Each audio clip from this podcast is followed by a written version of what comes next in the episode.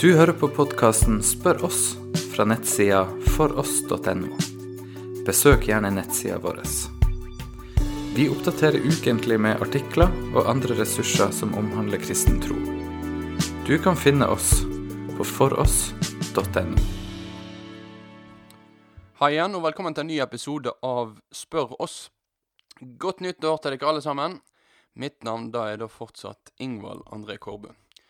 Jeg håper at du har eh, hatt ei god julehøytid, der du midt i all mat og all julepynt og alle sånne ytre ting òg har fått glede av deg i at Jesus har vært født for å frelse oss fra våre synder.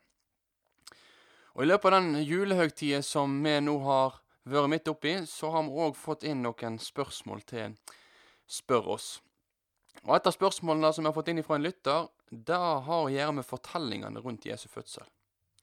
Kanskje er det en person som i løpet av julehøytida har studert og lest litt i juleevangeliet, sånn at et spørsmål nå har blitt aktualisert. Og det Spørsmålet er hvordan kan det være så lite sammenheng mellom fortellingen rundt Jesu fødsel i Matteusevangeliet og Lukasevangeliet? For å svare på dette spørsmålet så vil jeg bare begynne med en liten historie. Tenk deg at du og en polakk skal skrive hver deres bok om andre verdenskrig. De skal skrive en bok som forteller om hendelsene, og de bok den skal selges her i Norge, mens hans bok den skal da selges i Polen. Og Så går det noen år, bøkene har vært utgitt, og så kommer det da en historieinteressert person som plutselig får tak i begge bøkene, og leser begge bøkene. Hvordan tror du da at han vil oppleve disse to bøkene? Vil de være like eller ulike? Sannsynligvis så vil de være ganske forskjellige. Begge bøkene vil nok ha en del grunnleggende likhetstrekk, f.eks. med beskrivelsen av framveksten av nazismen i Tyskland og avslutningen på krigen med tanke på hvordan naziregimet falt. Men sjølve beskrivelsen av hvordan krigsårene var, vil nok være ganske ulik.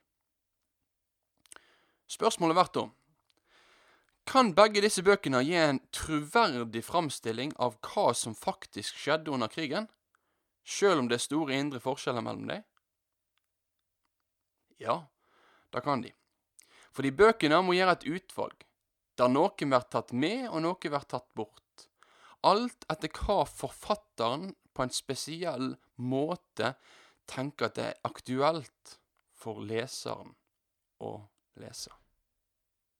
Den polske forfatteren han ville nok sannsynligvis ikke brukt så mye tid på beskrivelsen av det som skjedde med tungtvannsaksjonen på Vemork under andre verdenskrig, som for en nordmann vil være en sentral historisk hendelse. Men det betyr på ingen måte at han fra Polen ville ha fornekta tungtvannsaksjonen av den grunn. Hvorfor forteller jeg denne historien? Jo, jeg forteller den fordi at dette kan lære oss litt om hvordan vi kan tilnærme oss de ulike historiene om Jesu fødsel. Selv om det er lite samsvar mellom fortellingene i Matteusevangeliet og Lukasevangeliet, så betyr ikke det at Matteus og Lukas er uenige med hverandre. Poenget er derimot at de utfyller hverandre. De to fortellingene er til sammen med på å gi oss et bedre og mer utfyllende bilde av Jesu fødsel. På samme måte som to historiebøker om andre verdenskrig kan gi oss bedre innsikt i den krigen enn det ei bok kan. Når vi da går til Matteus og Lukasevangeliet, så kan vi for det første si at de store hovedsakene deler begge fortellingene. Det første og viktigste er at både Lukas og Matteusevangeliet understreker veldig tydelig at dette barnet som ble født, er noe mer enn et vanlig menneske. Selv om Josef blir hans jordiske far, så er det Herren, ikke Josef, som har gjort at Maria er med barn. Begge evangeliene understreker med dette jomfrufødselen. I tillegg så avslutter også begge evangeliene med at familien bosetter seg i Galilea. men historien om tida fra svangerskapet til de er tilbake i Galilea, har ulike vektleggingspunkt. Hva som er årsaken til denne ulike vektleggingen, ja, det kan vi bare spekulere i. Jeg kan ikke trenge inn i Matteus eller Lukas sitt hode og si hvorfor de har vektlagt de historiene som de har gjort. Men det vi kan si, er at de ulike historiene som de tar med, løfter fram noen ulike poeng.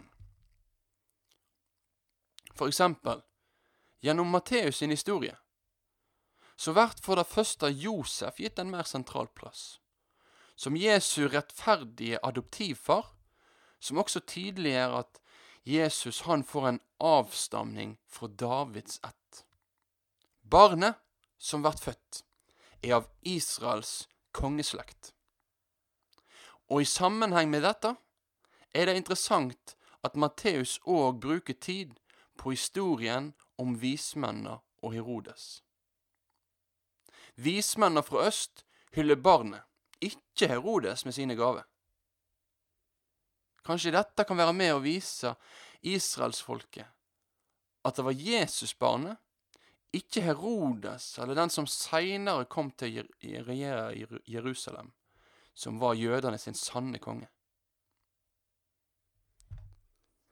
For Lukas så kan vi se hvordan hans juleevangelium i større grad løfter fram rollen til ulike skikkelser som har en mer marginalisert rolle i samfunnet.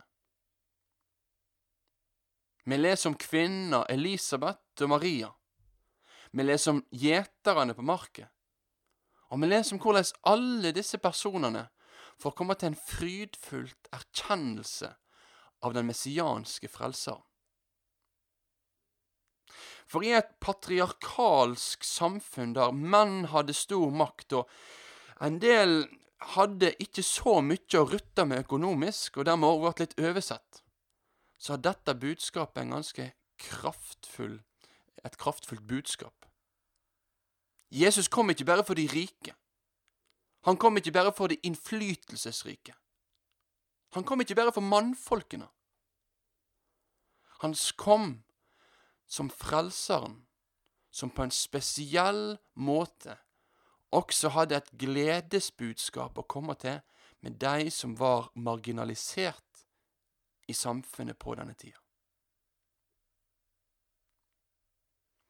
Mitt hovedpoeng er La disse her utfyllende historiene få være med å tegne et fargerikt bilde for deg av julens budskap, sånn at du og jeg kan se mer av storheten av hva Gud har gjort for oss gjennom sin sønn Jesus Kristus. Ha et godt år. Du har nå hørt podkasten Spør oss Still flere spørsmål, se andre ressurser, og vær gjerne med å støtte oss på foross.no.